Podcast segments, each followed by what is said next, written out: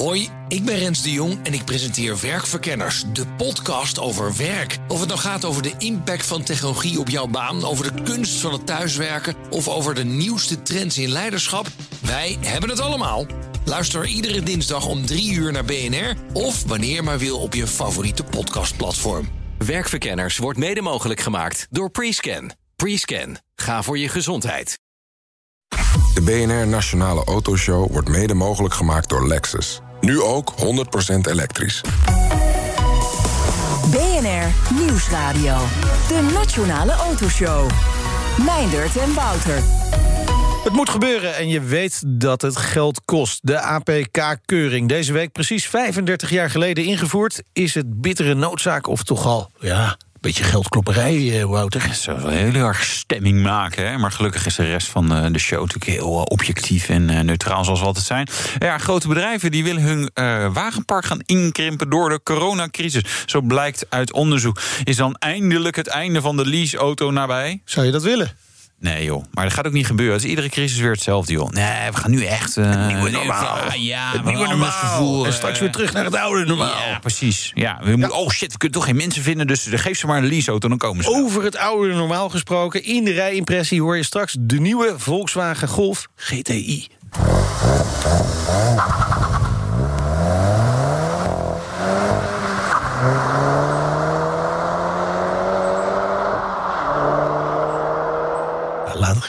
Vogeltje. Ja, mooi. Dat protesteert een beetje. Ja. Terwijl eh, die CO2-uitstoot en die zorgt ervoor dat de plantjes gaan groeien. en dat het groen, is en dat die boom daar lekker. Dat het vogeltje een beschutsnestje kan maken. Precies. Dus ik ja. zie een Lol gehad ook? Ja, dat is een leuke auto. Ja, je blijft zeg maar een beetje de benchmark voor, voor iets wat een beetje praktisch is, maar waar je ook lol in kan hebben. Dus ja, dat is gelukt. Nou, straks uh, uitgebreid rijden in de nieuwe Golf GTI. Maar eerst Erik Mark Huytema, directeur-generaal van de ASEA, de Europese koepelorganisatie voor autofabrikanten. Welkom. Dankjewel. Uh, we spraken je begin april voor het laatst. Toen was nog heel veel onzeker natuurlijk vanwege corona. Waar staan we op dit moment, een half jaar later? Nou, kijk, de coronacrisis heeft de automobielindustrie natuurlijk keihard geraakt.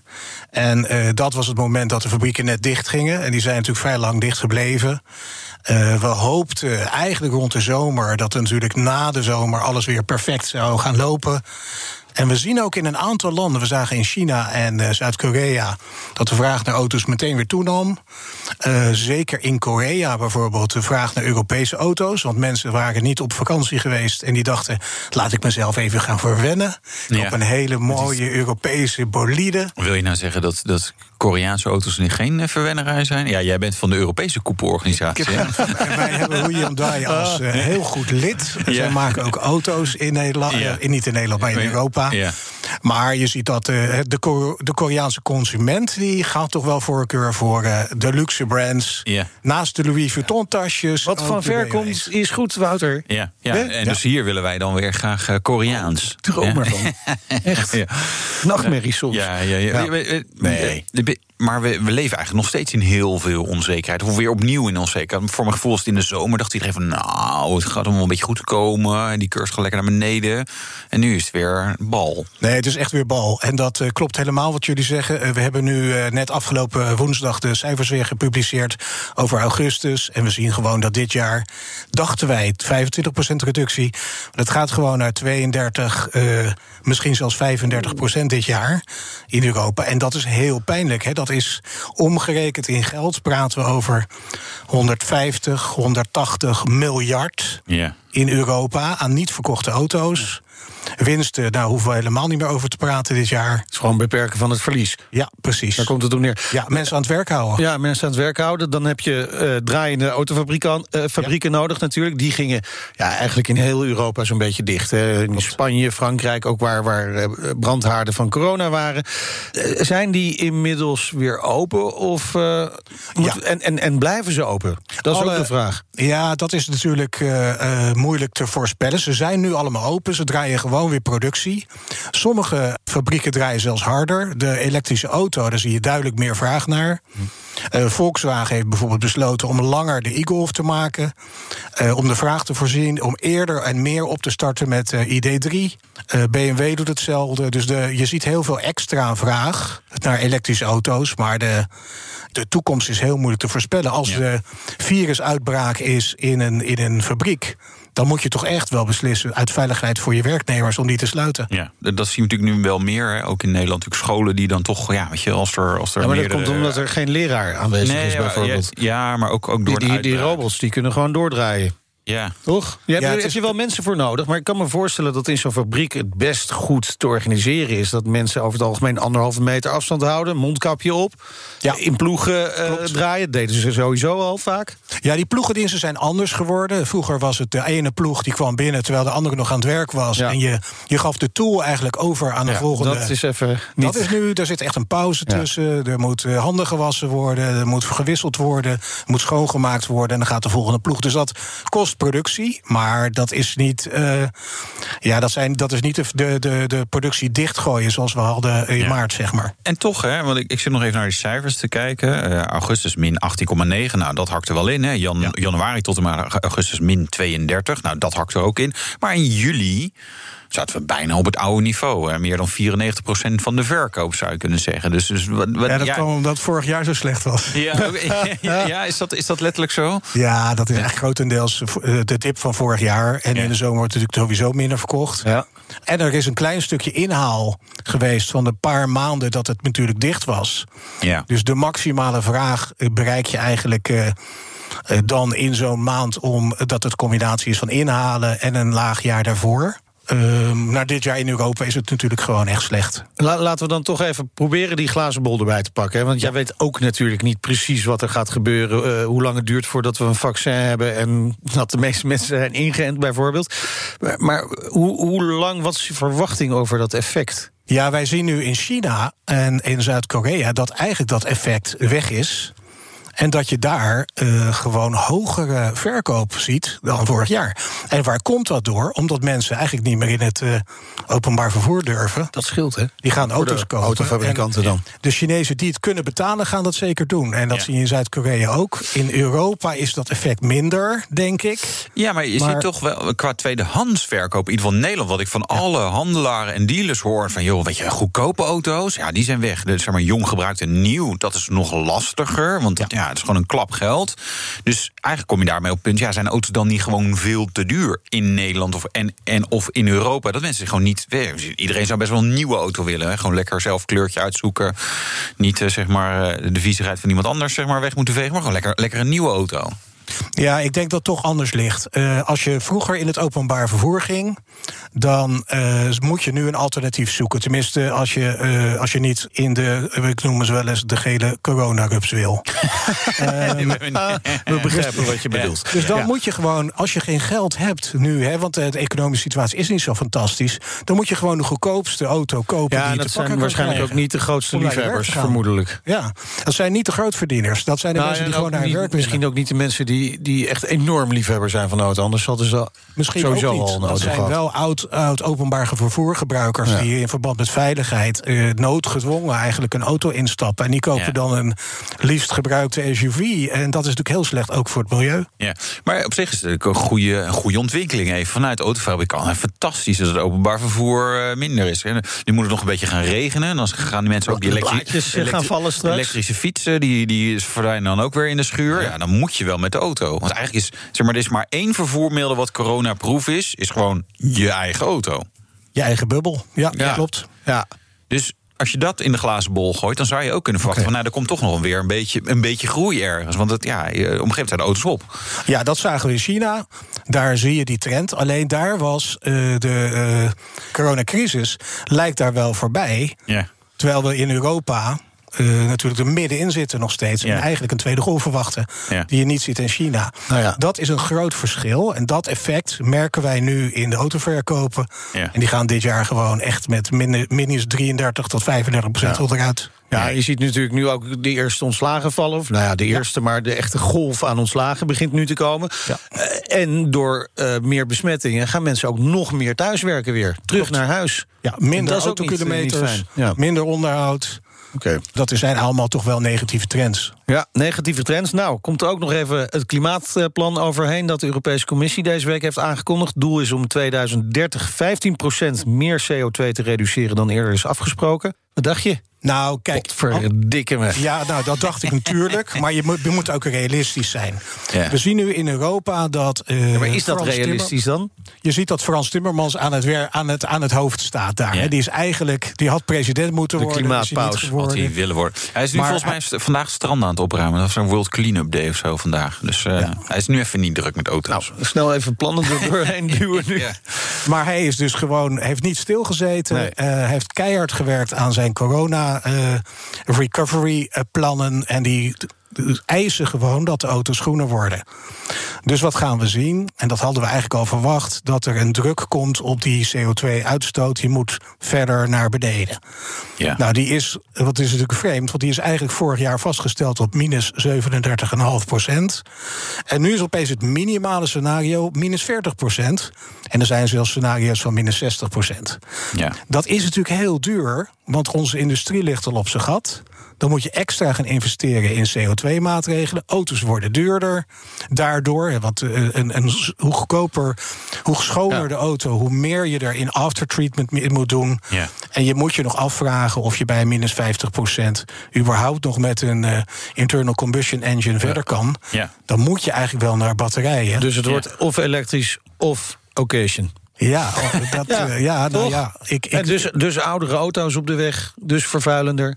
Ja, ik, ik weet dat een aantal automobielfabrikanten hebben de, de hele ontwikkeling van internal combustion engines gewoon stopgezet. Hè. Er wordt geen nieuwe Oh ja, motor meer ontwikkeld. Ja, we weten natuurlijk dat, dat, eh, dat Volvo wil stoppen met de diesel. Nou, ja, we, we, we hebben natuurlijk ook eh, op een gegeven moment Bram Schot van Audi gesproken... die daar ook wel iets over zei. Van joh, weet je, is, hè, de huidige generatie dieselmotoren bijvoorbeeld... Hè, tot 20, 21, 22. Ik, ik eh, pin me niet vast op een precieze jaar. En dan komt er een, bes- een investeringsbeslissing. Dat Ja. zegt van ja, ga ik voor de volgende generatie dieselmotoren... voor de volgende emissie-ijzerronde.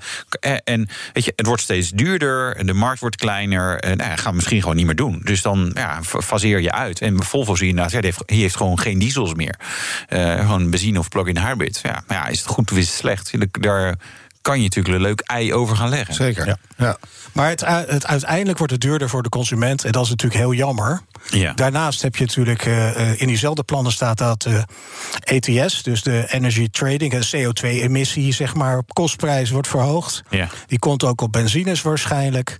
Dan ga je zien, en we hebben een berekening gemaakt dat de benzineprijs omhoog gaat tot soms, sommigen zeggen 1 euro erbij.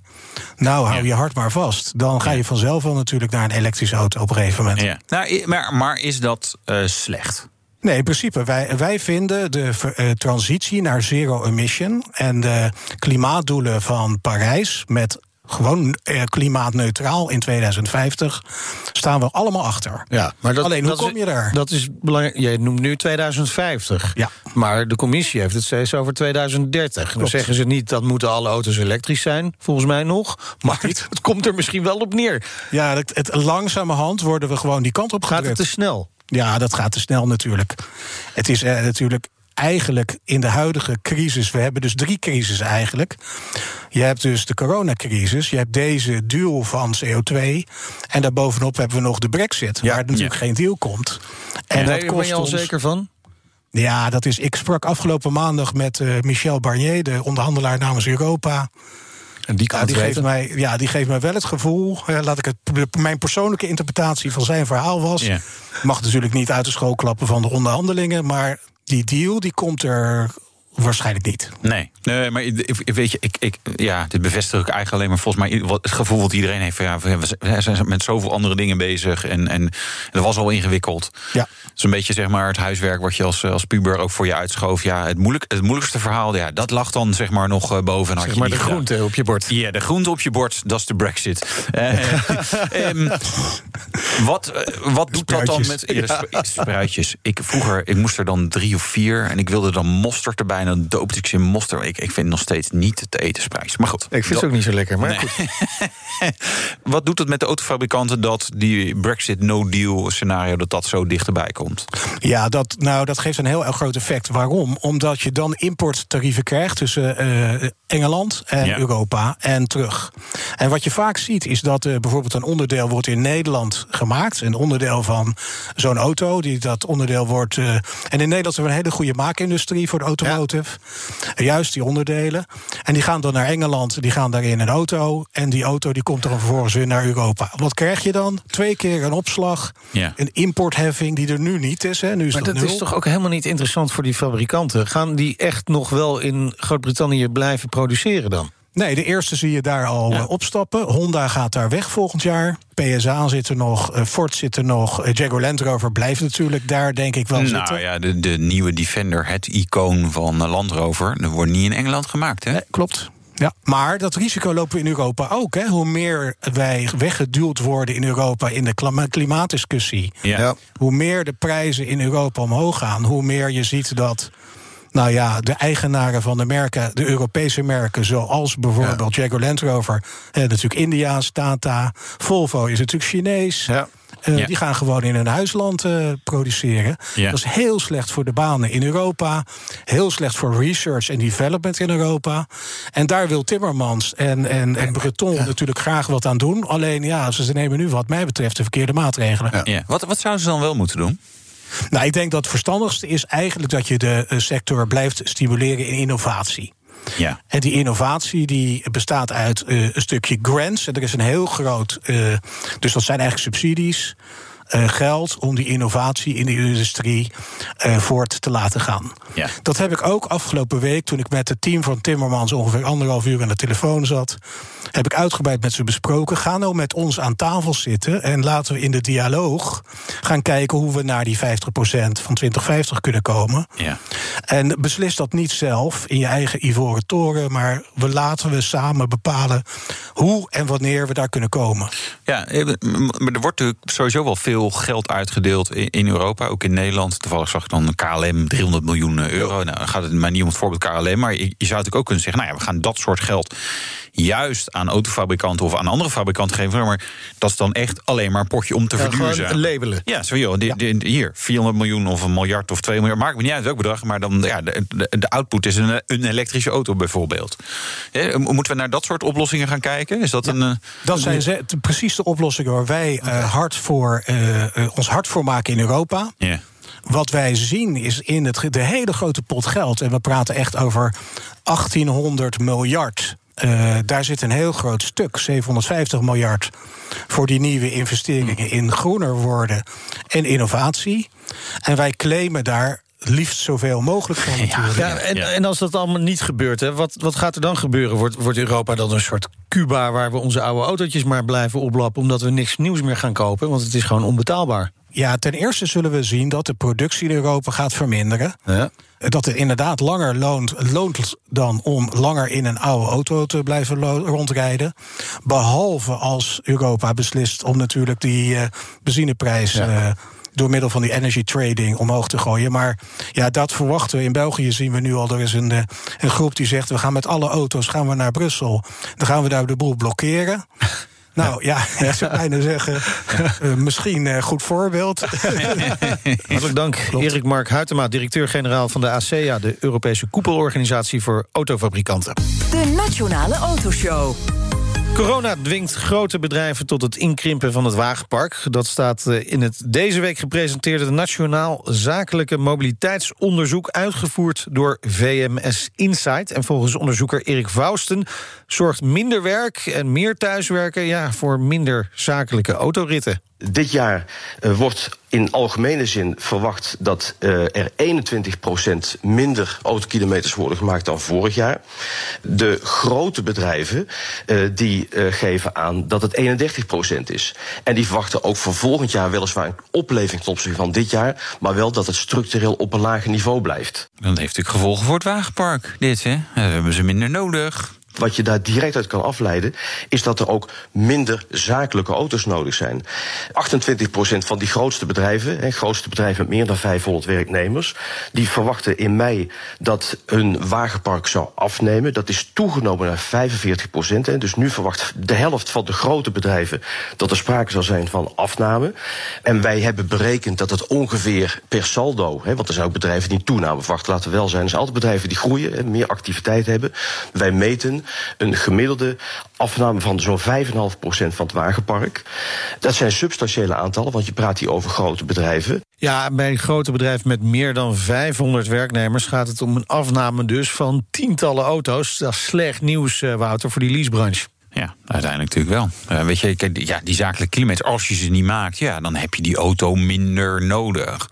Nou, is dit wel een déjà vu? Zeg maar, dat gevoel bekruipt mij wel. Natuurlijk de financiële crisis. En toen hebben we hier ook nog wel eens tijdens de mobiliteitsweek discussies gehad over. Ja, mensen willen echt uh, leaseauto's helemaal passé. En willen we gaan mensen krijgen zijn, niet meer. zijn bedrijven, het waren HR-mensen, die Ja. zeiden we gaan geen leasecontracten meer uit. De Nee. jongeren willen het ook niet Nee, meer. die willen lekker met het OV. Ja, en, eh, en de ja. Fiets. En die wonen dicht bij het werk. En uiteindelijk, wat blijkt, Nou, die leaseregelingen werden allemaal weer terug ingevoerd. Ja, ze willen gewoon allemaal een Tesla Model 3. Tenminste, vorig jaar. Dit jaar wilden ze een Polestar 2 of een ID3. Ik zie, hem, ik en- zie hem trouwens af en toe eh, rondrijden, die Polestar. Ja. Is dit dan het begin van het einde van de auto van de zaak? En nee, zegt onderzoeker Erik Fausten. Die bedrijven zeggen ook, minder autokilometers betekent dat wij minder behoefte hebben aan zakelijke auto's. Maar we gaan meer mobiliteitsbudgetten inzetten. Dus daarmee wordt de verantwoordelijkheid naar de werknemer verschoven. En die heeft ook zijn privéauto nodig. Hè, die misschien privé zal leasen of wat dan ook. Dus we zien een verschuiving naar meer mobiliteitsbudget, maar ook naar meer poolauto's. Dus eigenlijk zie je dat de bedrijven heel concreet bezig zijn met die toekomst. Ze zien minder kilometers. Ze willen toe naar lagere vaste kosten. Of het beheersen van kosten kun je ook zeggen.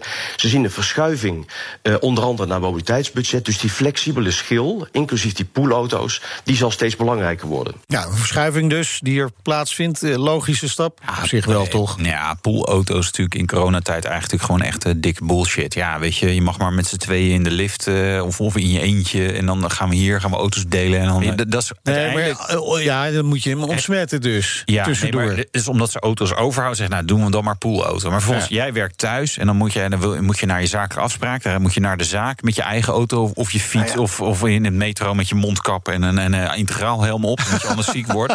Eh, nee, dus dat. Maar, nee, eh, maar dan is, dan is dus private lease is wel logischer. ja, het grappige wat hij zegt. En dat, is, eh, dat had ik, eh, bedacht ik me ook van ja, het is een verschuiving van hè, ze willen naar meer flexibiliteit en zo. Dit is eigenlijk weer de hele ZZP-discussie overnieuw. We gaan de flexibiliteit, die willen wij als bedrijf niet. Ja. Dus we leggen hem bij jou neer, lieve werknemer. En we verpakken dat als zijn van ja, maar dan kan je lekker zelf private lease uitkiezen. Zit je dan wel Nou ja. vijf jaar aan vast aan 500 euro in de maand? En, en het is Maar- de vraag of je dan ook gaat private leasen. Hè? Want er zijn genoeg mensen die kopen dan een, Ja, oud barrel. oud- ja, een occasion. En, en, nou en, en die is waarschijnlijk goede kans dat die vervuilender is Ja. dan de leaseauto die ze normaal gesproken zouden krijgen. Ja, dus interessant onderwerp om eens door, om nog over door te En praten. dit gaat nog om een tussenrapportage van het Nationaal Zakelijke Mobiliteitsonderzoek. Eind dit jaar komt er een eindrapport en dan eh, spreken we natuurlijk ook even met Erik Fausten. En zometeen, wat gaan we nog doen, joh? APK-keuring. Ja, moet je nog? Ja. ja, die moet binnenkort weer, ja. Denk het wel. Nou, ik krijg altijd een keurig bericht als het zo is. Maar 35 Ja, jaar geleden ingevoerd. Voor veel mensen toch een bron van ergernis. Ja. Niet voor de garagisten, denk ik. Nee, die, die, daar is het natuurlijk een, mooie tool om mensen binnen te krijgen. Nou goed, ja, daar kunnen we, daar kunnen we leuk over En discussiëren. die gaan we ook doen. En APK eh, goedgekeurd en wel. Nou, ik denk niet dat hij nog een APK-keuring eh, al eh, nodig heeft. Nee, die had hij nog niet nodig. Nee, Wouter test de nieuwe Volkswagen Golf GTI.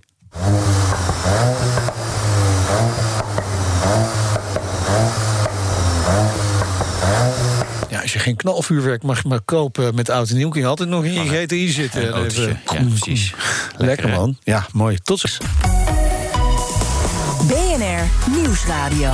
De Nationale Autoshow. Meindert en Wouter. Het is toch altijd een momentje hè, als Volkswagen een nieuwe Golf introduceert. Zeker de GTI. Wouter test straks het icoon. Maar eerst. Ja, die gaat langer mee dan waar we het nu over gaan hebben. 35 jaar geleden werd de allereerste APK-keuring gedaan. En de Golf GTI is al meer dan 40 jaar oud. Oh ja. Eh, maar goed, die werd uitgevoerd bij een Citroën DS. We zijn inmiddels tientallen miljoenen keuringen verder. Wauw. Ja, Ja, als je daarover nadenkt, zijn er Nou. best wel wat. eh, ja. En diegene die dat heeft verzonnen. is goede business. Nou, dat sowieso. Ja. Ja, we gaan erover praten met Paul Diets, manager toezicht en beoordeling bij de RDW. Welkom. Goedemiddag. Die eh, DS die als eerste is getest, rijdt, rijdt hij nog steeds? Ja, ja nou, dat echt hebben we nog even opgezocht. En we gaan ook nog iets leuks doen, want eh, hij is zelfs nog van dezelfde eigenaar. Nee. Echt? Dat is Oh. bijna uniek, denk ik. Ja, zo inderdaad, ja. Ja, dus eh, ja, dat is mooi. En al die tijd goedgekeurd dus. Ja, Of- kennelijk. ja, ja. Nou, dat weet ik niet. In ieder geval, Ja, als hij- nog rijdt, rondrijdt, dan op dit zou moment, die- Hij heeft nog nu een geldige APK. Ja. Ja, hij heeft nu een geldige APK Ja. en eh, deze maand is hij weer aan de beurt. En eh, dat Ja. is misschien meteen de laatste keer, hè, want we, eh, daar komt een, eh, een uitzondering voor auto's van ouder dan 50 jaar. Oh, Ja. Dus dat is een eh, dubbel bijzonder moment. zeker. De algemene periodieke keuring. Het eh, moet gebeuren en het kost natuurlijk wel wat eh, centjes. Maar is het noodzakelijk? Dat is de grote vraag. Is het noodzakelijk? Mensen vragen zich dat af. Ja, dat is eigenlijk vanaf de oprichting van de APK is dat al de, Al de- de, de 35 handvraag jaar. geweest. Ja. Er zijn heel veel evaluaties geweest. We hebben nu En, meer ervaring inderdaad. Ja, en daar komt toch steeds uit eh, dat er, eh, de mensen het op zich prettig vinden. eh, Dat er nog een keer onafhankelijk naar een auto wordt gekeken. Ja, en- maar dat, dat is niet helemaal een antwoord op mijn vraag. Nee, dat snap ik. Mensen vinden het prettig, maar Ja. is het ook noodzakelijk? Nou, we zien steeds meer toch uit onderzoek, ook in het buitenland, dat, je, dat er toch wel verkeersdoden te koppelen zijn nog steeds aan de techniek van auto's. Je kan zeggen, auto's worden steeds beter. Dat is natuurlijk zo. Ze roesten niet meer zomaar door. Maar een gladde band, een kapotte remslang of ja, allerlei andere hardwareachtige dingen, die gaan nog steeds stuk. En dan is het toch fijn dat er nog even daar goed naar gekeken wordt. Was het zoveel slechter toen we geen APK-keuring hadden? Was, was er ik- echt jullie zijn, volgens mij zijn we allemaal een beetje van dezelfde generatie. Maar het wrak van de weg eh, Ja. lijkt kieskeurig. Ja, dat ik me wel herinneren. Zo'n Ja. agent met een grote snor die dan eh, Ja. Heel bedroefd keek naar een, eh, ja. een, een Fiat Panda met een enorm gat in de bodem of zo. Die auto's zijn er natuurlijk allemaal niet meer. Nee. En eh, dat was toen echt heel hard nodig. En er is toen ook een enorme piek gekomen in. eh, mensen brachten gewoon een auto naar de sloop in plaats van naar de APK. Omdat dat toen eh, was. Dat is natuurlijk nu niet meer. Maar eh, eh, dat, we zaten toen ook in een tijd van volgens mij rond de 3000 verkeersdoden. Ja. Terwijl het er nu 600, 700 zijn. Nou, daar zie je toch dat er ergens moet er wel een correlatie zijn. Ja, precies. Je- Ja. Nou ja, je zou misschien zelfs helemaal kunnen uitrekenen hoeveel verkeersdoden de APK heeft geschild. Ja, ik denk dat dat. eh, Nou, en we zien dus uit, uit onderzoek van, eh, van landen waar dat nu nog wordt ingevoerd. Maar dan, dat zijn vaak toch wel wel exotische landen. eh, dat ze dat echt kunnen benoemen en dat het dan ook significant is. Dus ja, nou ja, ik geloof er nog steeds in. Oké, oké, ik denk ik ook wel. Wouter, toch? Ja, nee, zeker. Nee, weet je, eh, en je ziet nog steeds. met- Nee, weet je, je ziet nog steeds wel auto's rijden van denk ja, die heeft waarschijnlijk vorig jaar net de APK gehaald. ja, Maar ja. wat ze nu, hè, nu, nu rijdt het rond. en Ik denk niet dat hij hem nu zou halen. Dus ik, ik, ik ben daar wel eh, voor. Ja. Sterker, nog, eigenlijk zou ik gewoon willen onafhankelijke keuringsinstanties echt gewoon wat, wat strenger. Dat je echt gewoon weet, dit is gewoon goed. Dat was de overweging eh, destijds. Hè. Daar hebben ze het. Tussen 1963 en 83 of zo over gedimdamd in de politiek. En uiteindelijk hebben wij dan nu een systeem in Nederland dat je eigenlijk bij de garage om de hoek terecht kan. We hebben ongeveer 10.000 garages waar het kan. Ja. De meeste andere landen hebben eh, instituten zoals TUF of DECRA of, eh, Ja. of overheid zelf die dat doen. Ja. Toch zie je uit kwaliteitsmetingen dat we eigenlijk in Nederland best wel bovenin de eh, range zitten van hoe, hoeveel slechte auto's er hier rondrijden. Dus het systeem wat we hebben, dat heeft misschien wel wat nadelen. Of soms heb je misschien iets van partijdigheid of zo. Maar eh, onder de streep eh, Is, is het nog steeds het werkt oké? het toch wel goed. Ja, maar met wie vergelijk je dan? Vergelijk met Bulga- Bulgarije, nee, Polen. Duitsland of België. ja. Nee, echt Ja. wel gewoon eh, de, eh, ja, de landen om ons heen die ook eh, nou ja, min of meer hetzelfde. We, we- we doen het dus relatief goed. Ja, we je moeten wel zeggen. iedere keer uitleggen, ook Ja. in Europa, dat wij dit systeem hebben. Ja. En dat we dat we heel willen houden. Eh, en, eh, maar goed, dan zoeken we die cijfers weer op. En dan blijkt het eigenlijk Ja. allemaal weer de- boven verwachting goed te zijn. Hoeveel APK-keuringen worden er in een jaar uitgevoerd? We zitten volgens mij op ongeveer 7,5 miljoen eh, eh, APK-keuringen. En eh, dat zijn er een heleboel. Dus die zijn net tientallen miljoenen zijn er geweest. Maar Ja. als je een snel rekensommetje komt al gauw op 100, 150 miljoen in die 35 jaar uit. Zo. Dat zijn dus eh, inderdaad enorme aantallen. Wat, want wat is jullie rol dan als RDW? Hè? Want die, die APK-keuringen worden gewoon door garagisten gedaan. Dat eh, de garagisten die eh, melden die auto's af. En wij houden dan toezicht volgens de, de steekproef. Daar heb je misschien vast wel eens van gehoord. Jawel. Ja. Ja, dat is altijd van, even spannend, hè? Komt die door de 3%. steekproef? Dus ik denk dat jullie, 3%. allebei, ja, dat jullie allebei wel eens een auto hebben gehad... die in de steekproef is gevallen in je leven. Eh, nee, ik heb altijd. Nee, nee, nee, volgens mij niet. Ja, ik zit er even over ik, na ik heb liefst Dat wel altijd, hè, want het kan op het rapport ergens met een kruisje Ja, volgens mij heb ik dat wel wel eens gezien, ja. ja. En nou, we doen ongeveer duizend van die steekproeven per dag als RDW uh, op, op, uh, op die auto's. En uh, nou ja, als een garage het niet goed doet, dan kan die strafpunten krijgen. En als je het niet goed blijft doen, dan gaat uiteindelijk het bordje van de muur, zeggen wij dan. Oh ja. dan krijg je dus een straf. dat kan betekenen dat je een aantal weken bijvoorbeeld niet mag keuren. Maar hoe streng zijn jullie daarin dan? Nou, we zien dat ongeveer uh, 95% van de keuringen goed gebeurt. Maar dus van 5, 6% ongeveer niet. En uh, dat gebeurt toch wel een, uh, een paar honderd keer per jaar... dat je zo'n sanctie moet uitdelen aan garages. Ja.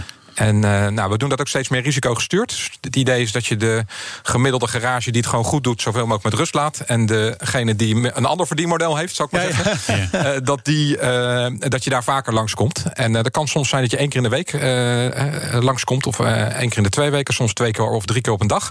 En nou, daar kom je soms toch wel vervelende dingen tegen. Zoals? Ik heb dit werk vroeger zelf ja, je gedaan. je bent steekproefcontroleur geweest, hè? Ja. Uh, in 1996. En ja, ik heb twee voorbeelden in mijn hoofd die ik vaak gebruik. Ik heb een keer een uh, Honda CRX gehad. Waar, uh, nou, mooie auto, zo'n zo stoere auto. En ik trek aan de gordel uh, aan de onderkant en trek zo die gordel helemaal uit de dorpel. Oh. Helemaal ja. doorgerold weg. Yeah. Ja. En hetzelfde een keer, ja, vergelijkbaar met een Mercedes, waar je dan de drukproef moet doen. Moet je met zoveel kilo op het rempedaal trappen. Het doet net alsof het een noodstop is. Ja. Bam, zo er doorheen. Yeah. Ik, ja, dat zijn, en die voorbeelden zien wij toch wel. Niet, niet iedere dag, maar je ziet ze wel. En dan, dat, dat is denk ik waar je het voor doet. Ja. Maar dit is, dat is redelijk uitzonderlijk, toch? Wat, wat zijn de meeste. Wat, wat, komt er meestal uit een steekproef? Standaard is uh, lampjes. Yeah. Uh, van een, uh, een lullig kentekenlampje. tot, maar het, het, gaat al snel richting banden. Banden moet je een beetje, beetje, ingewikkeld meten. Soms wel, soms niet goed. banden hebben natuurlijk wel meteen met veiligheid te maken. Yeah. remslangen, vering, ja, dat soort dingen. Ja, en zo'n lampjes, dan uh, krijg je wel een strafpunt, kan ik me voorstellen. Maar niet, uh, dan ben je niet meteen uh, je bordje kwijt van de Nee, muur. het idee is dat je, als je gewoon een garage bent en je maakt normale fouten, net als wij allemaal, als we iets doen, altijd 2 of 3 procent fouten maken. dat, daar is het hele systeem op gebaseerd. En daardoor met plus- en minpunten ja. compenseert dat weer. Het is natuurlijk heel, heel erg goed dat dit gebeurt. Hè? En zeker als er dat soort praktijken als gordels of, of rempedalen die niet goed werken, ja, dan, dan wil je gewoon dat dat wel goed is dat dat goed gekeurd worden. Uh, maar er zijn ook onnodige reparaties, onterechte afkeuringen. Het imago van de APK-keuring is ja, to toch dat het door de autobedrijven gebruikt wordt om die omzet op te krikken. Dat is in ieder geval het beeld. Is dat een onterecht beeld? Nou, ik hoor het natuurlijk ook wel eens op verjaardagen. En ja. uh, uh, ik denk dat het beeld in ieder geval steeds beter wordt. Uh, we hebben door de jaren een heleboel dingen gedaan. En het belangrijkste is denk ik dat, dat je een afkeur tegenwoordig ook moet afmelden. Als je twijfelt bij je garage, zeggen wij altijd: vraag om een afkeurrapport. En als je uh, dat rapport hebt, kun je ook op dat moment uh, bezwaar aantekenen. Komt iemand van de RDW, die doet dat over. Dat is misschien niet de meest logische stap. maar dat ja. gebeurt ook een paar honderd keer per jaar. En dan heb je gewoon wel duidelijk hoe het zit. Ja. Uh, uh, ja, en verder denk ik dat je als je gebeld wordt door de garage met een, uh, met een heel lijstje, dat je even heel goed de vraag moet stellen: is dit nu voor de APK? Of leggen jullie nou ja, er nog precies, iets bovenop? Precies. En als je die vraag concreet stelt, dan geloof ik wel dat het vrijwel alle garages daar een eerlijk antwoord op geven. ja, maar pas dan. Nou, dat weet ik niet. Maar in ieder geval, dat is mijn tip die ik altijd meegeef. Ja, maar, maar je kunt dus een, soort second opinion bij jullie aanvragen. Van nou ja, jongens, dit is heel raar. Weet je, die auto is goed en jij, jij vertelt mij dat het niet zo is. Ja. En dat gebeurt dus ook uh, regelmatig. En ja. het, het, is gewoon een, ja, wij promoten dat ook zoveel mogelijk. Ja. Uh, om, uh, ja, het is, ik kan me voorstellen in de relatie met je garage dat dat misschien niet het meest fijn is. Aan de andere kant wordt het wel objectief vastgesteld. En wij komen gewoon een steekproef op verzoek doen in feite. Ja. Maar, maar, heb je bijvoorbeeld voor, de, voorbeelden van verhalen waarbij de garage zegt: ja, dit, dit moet eigenlijk wel gerepareerd worden voor de APK. En dat eigenlijk volgens de regels helemaal niet het geval is? Ja, ja, het, het, ik denk dat in de praktijk het meer uh, interpretatieverschillen zijn. Oh ja. Uh, waarbij je uh, bijvoorbeeld zo'n band, daar moet je toch wel een beetje voor op afgestudeerd zijn om dat goed te kunnen beoordelen. Ja. En dat je dan, als je net hier meet, is het net wel goed. En als je net daar maar meet, bijvoorbeeld het net de sproeier van de achterraam, is dat iets wat in de APK voorkomt? Uh, nee. Ja, heb ik dus wel eens gehad. Ja. Nou, dat de garagist zei van ja. nee, ja, de sproeier van de achterraam die doet het niet. Nee. Dan komt hij niet door de APK-keuring. Ja, ik heb hetzelfde oh. wel eens gehoord in mijn kennissenkring. Ja, de achteruitwisser is, uh, ja. doet het niet. Ja, is gewoon geen onderdeel van. Dan is eigenlijk de eerste vraag die je Het is natuurlijk wel zeggen. goed dat het gerepareerd wordt, hoor. Maar... Ja, het klopt. Maar ik, ik snap het punt heel goed. En uh, ik denk eerst even de vraag heel goed terugstellen van... is het nou voor de APK of niet? Ja. Het is lang geleden, maar ik ga het geld terugvragen. Doe jij dat? Um, krijg, maar als jullie zo'n second opinion doen, krijgen garagebedrijven dan ook uh, minpunten als, als ze onterecht hebben afgekeurd? Dat zou eigenlijk wel zo moeten zijn, natuurlijk. Dat is ook zo. Dat is ook zo. Oké. Ja, ja, ja, ja, Dus, dus je mag is ook een heel duidelijk onderdeel van het, uh, van het systeem, inderdaad. Ja, ja. ja. dus jullie, jullie doen niet de keuring zelf, maar het is zo ingericht als met genoeg checks om toch te zorgen dat het eerlijk zeg maar, beide kanten op gaat. En als ik vergelijk het wel eens met tandartsen krijgen eens in de 60 jaar bezoek van een uh, En uh, wij komen ongeveer iedere week bij, oh, ja. bij ja. garages. Dus wel, in overheidstermen is het vrij heavy ja. toezicht wat, er, ja. wat erop maar, zit. En hoe vaak trekken jullie zo'n erkenning in eigenlijk? Ja, dat gebeurt dus een paar honderd keer per jaar. Een paar honderd keer per jaar? Ja, op 10.000 bedrijven. Ja, uh, dus, uh, nou, vinden jullie het zelf veel of valt het nou, wel wij, wij, willen, we streven natuurlijk naar zo laag mogelijk. Ja. Ja. Uh, dus als wij het heel goed doen en het is een perfect systeem, dan gebeurt het nul keer. Ja, nou, dat blijft is wel de autobranche. Dus je, nou ja, goed. daar gebeurt natuurlijk altijd van alles. En je hebt in iedere branche ook ja, rotte appels of mensen die daar denken hun verdienmodel van te Zie maken. je ook wel steeds dezelfde rotte appels terugkeren?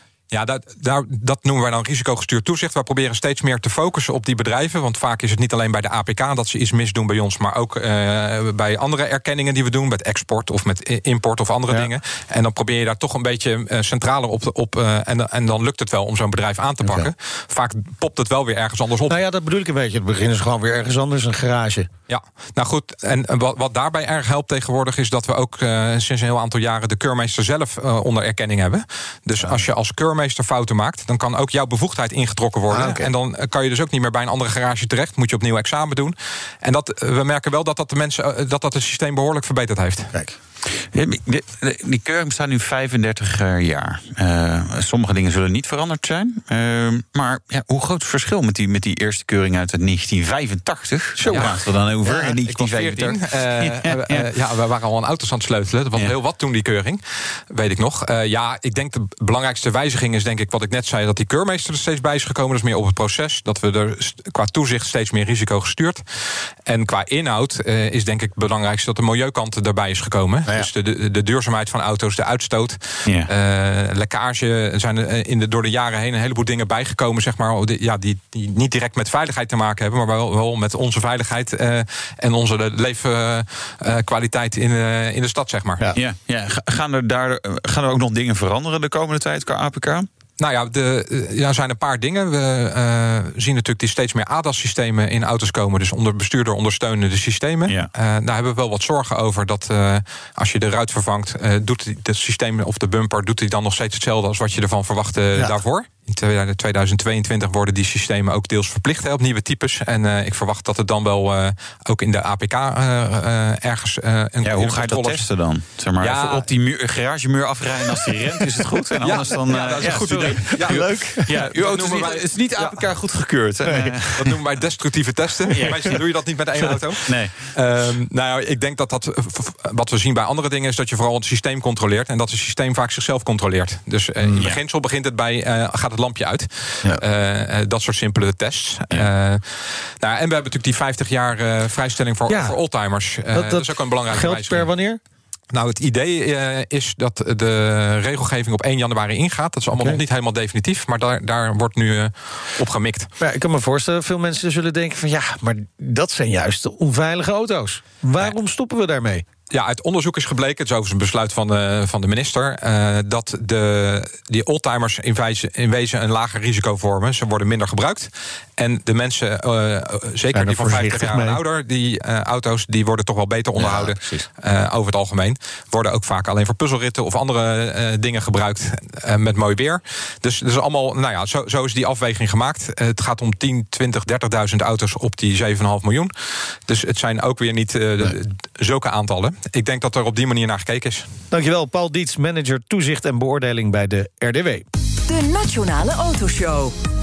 Het autonieuws. Beginnen met RDW. Ja. Ja, die hebben we net gesproken. Maar ja. vacatures. Ja. Steekproefcontroleur. Controleur, Ja. nou ja, weet je, eh, mooie baan. Mooie baan. Andermans werk controleren. Ja, dit heb je niet goed gedaan.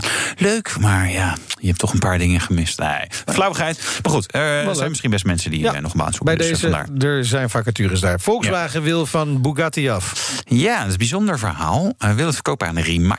Rimac, hoe spreek ik het precies uit? Hè? Een Kroatische elektrische auto. nog sneller dan Bugatti's maken zij. Die is veel in het nieuws, maar ik zie die auto's eigenlijk nooit rijden. Dus dat is dan wel weer bijzonder. En vervolgens wil... Ja, eigenlijk is het niet echt verkopen, maar het is een soort ruilen tegen aandelen Rimac. Eh, Rimac, wat ik voor het uitspreekt. Eh, dus dus om vervolgens via Porsche een groter belang te nemen. Ja, ingewikkeld hè. Ze werken al wel een beetje samen. Zo'n fabrikant heeft natuurlijk zeg maar, wel de belofte dat ze heel goed zijn met elektrische auto's. Nou ja, daar is veel behoefte aan. Dus ja, weet je. Ja. Maar, maar ik, ik, ja, aan de ene kant denk ik, joh, het lijkt me een dikke bullshit. Aan de andere kant denk ik, ja, het zou wel kunnen.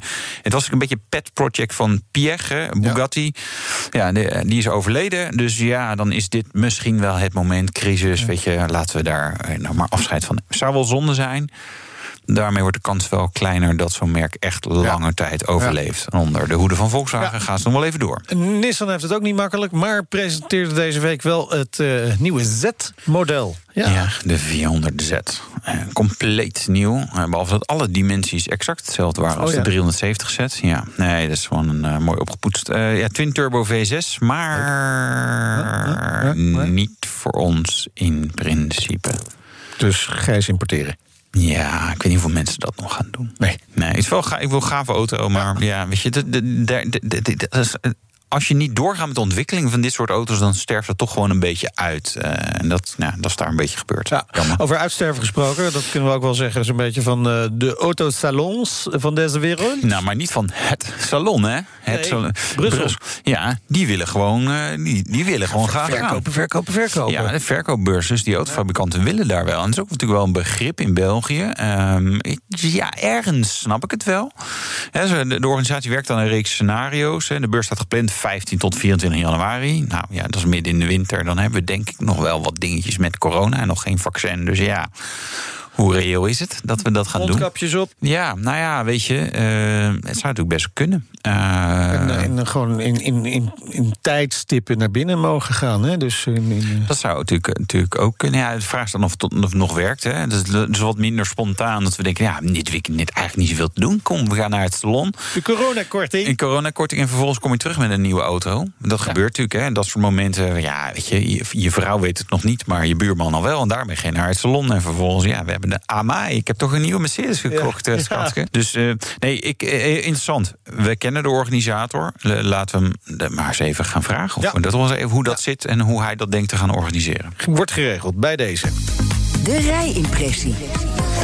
Ja, de rijimpressie. Volkswagen heeft het icoon vernieuwd. De Golf GTI. En natuurlijk mocht Wouter wat streepjes op het asfalt zetten. Ja, dat klinkt enthousiast, hè?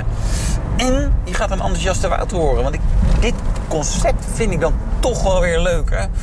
Hot hatches, aan de ene kant heel praktisch. Aan de andere kant toch een leuk randje eraan. Dat is een beetje het idee daarachter. Dat papa moet een auto waar alle rotzooi in kan. Maar ja, papa wil ook af en toe een beetje nou ja, de boel uitlaten. Zichzelf, inclusief auto. En dan ook weer veilig terugkomen. Nou, dat is natuurlijk het idee ook achter de Golf 8 GTI. Even kijken, oké, ik moet hier rechts. Natuurlijk niet aan opletten. Al mijn enthousiasme. Golf 8 GTI. Ja, Golf 8 natuurlijk redelijk nieuw. Dit is de GTI. Die komt natuurlijk ook altijd.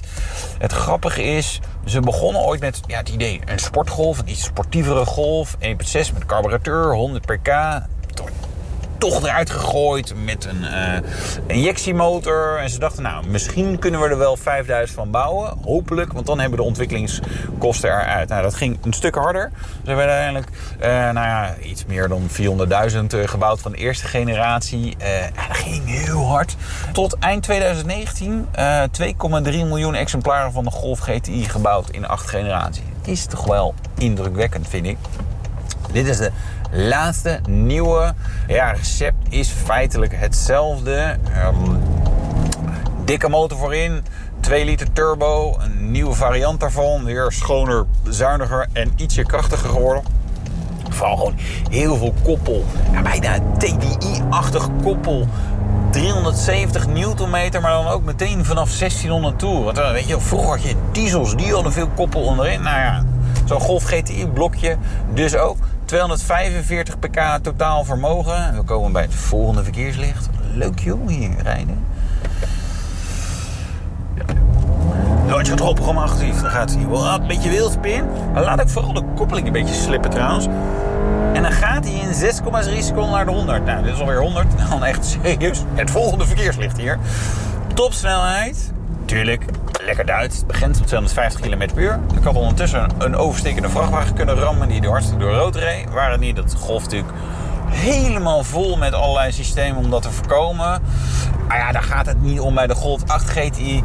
Mooi pakket weer. Ehm, komt er niet als eh, zeg maar, een performance en een normale versie. Dat, dat was bij de vorige zo. Het is meteen gewoon 245 pk. Later volgden ongetwijfeld versies met weer wat meer pk's. De Club Sport en de TCR en de weet ik veel wat allemaal. Hè. Dat, dat, die kunnen we bijna uittekenen dat ze dat nog wel zullen doen.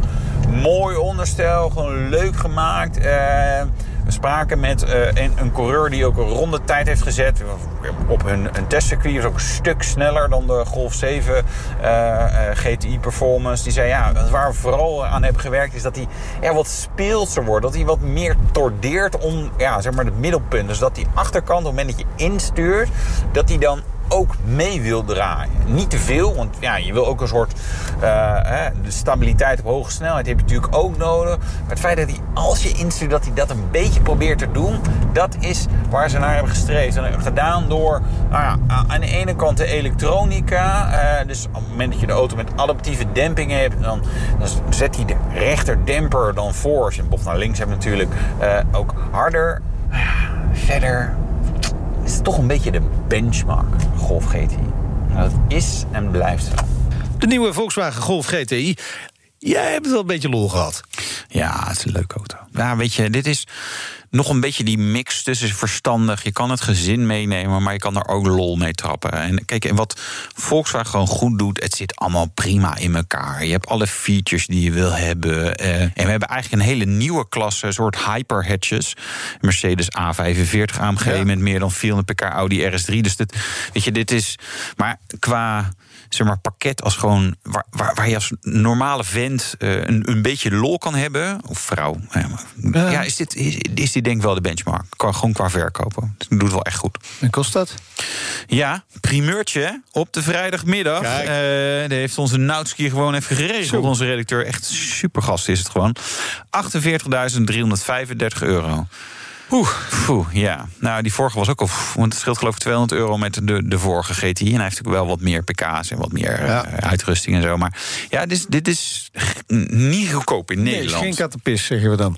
Nee, aan de andere kant, je hebt zeg maar voor 50 mil wel gewoon eigenlijk een hele leuke auto waar je bijna alles mee je kan bedoelt, doen. Het is net als met kinderen, je krijgt er zoveel voor je terug. krijgt er heel veel voor terug. Nou, volgende week spreken we de baas van Volkswagen Nederland. Dit was de Nationale Autoshow. Terugluisteren kan via de site, de app, Apple Podcast of Spotify. Ja, vast ook nog wel op andere manieren. Maar vergeet je in ieder geval niet te abonneren. En uh, volg ons via Twitter en zo, Facebook, Instagram. Doen we dat ook nog? Ja, Want ik een beetje stil volgens mij op Instagram. Ik laatste. En mijn naam is Wouter Karsen. Tot volgende week. Dag. De BNR Nationale Autoshow wordt mede mogelijk gemaakt door Lexus. Nu ook 100% elektrisch. Hoi, ik ben Rens de Jong en ik presenteer Werkverkenners, de podcast over werk. Of het nou gaat over de impact van technologie op jouw baan, over de kunst van het thuiswerken of over de nieuwste trends in leiderschap, wij hebben het allemaal. Luister iedere dinsdag om 3 uur naar BNR of wanneer maar wil op je favoriete podcastplatform. Werkverkenners wordt mede mogelijk gemaakt door Prescan. Prescan. Ga voor je gezondheid.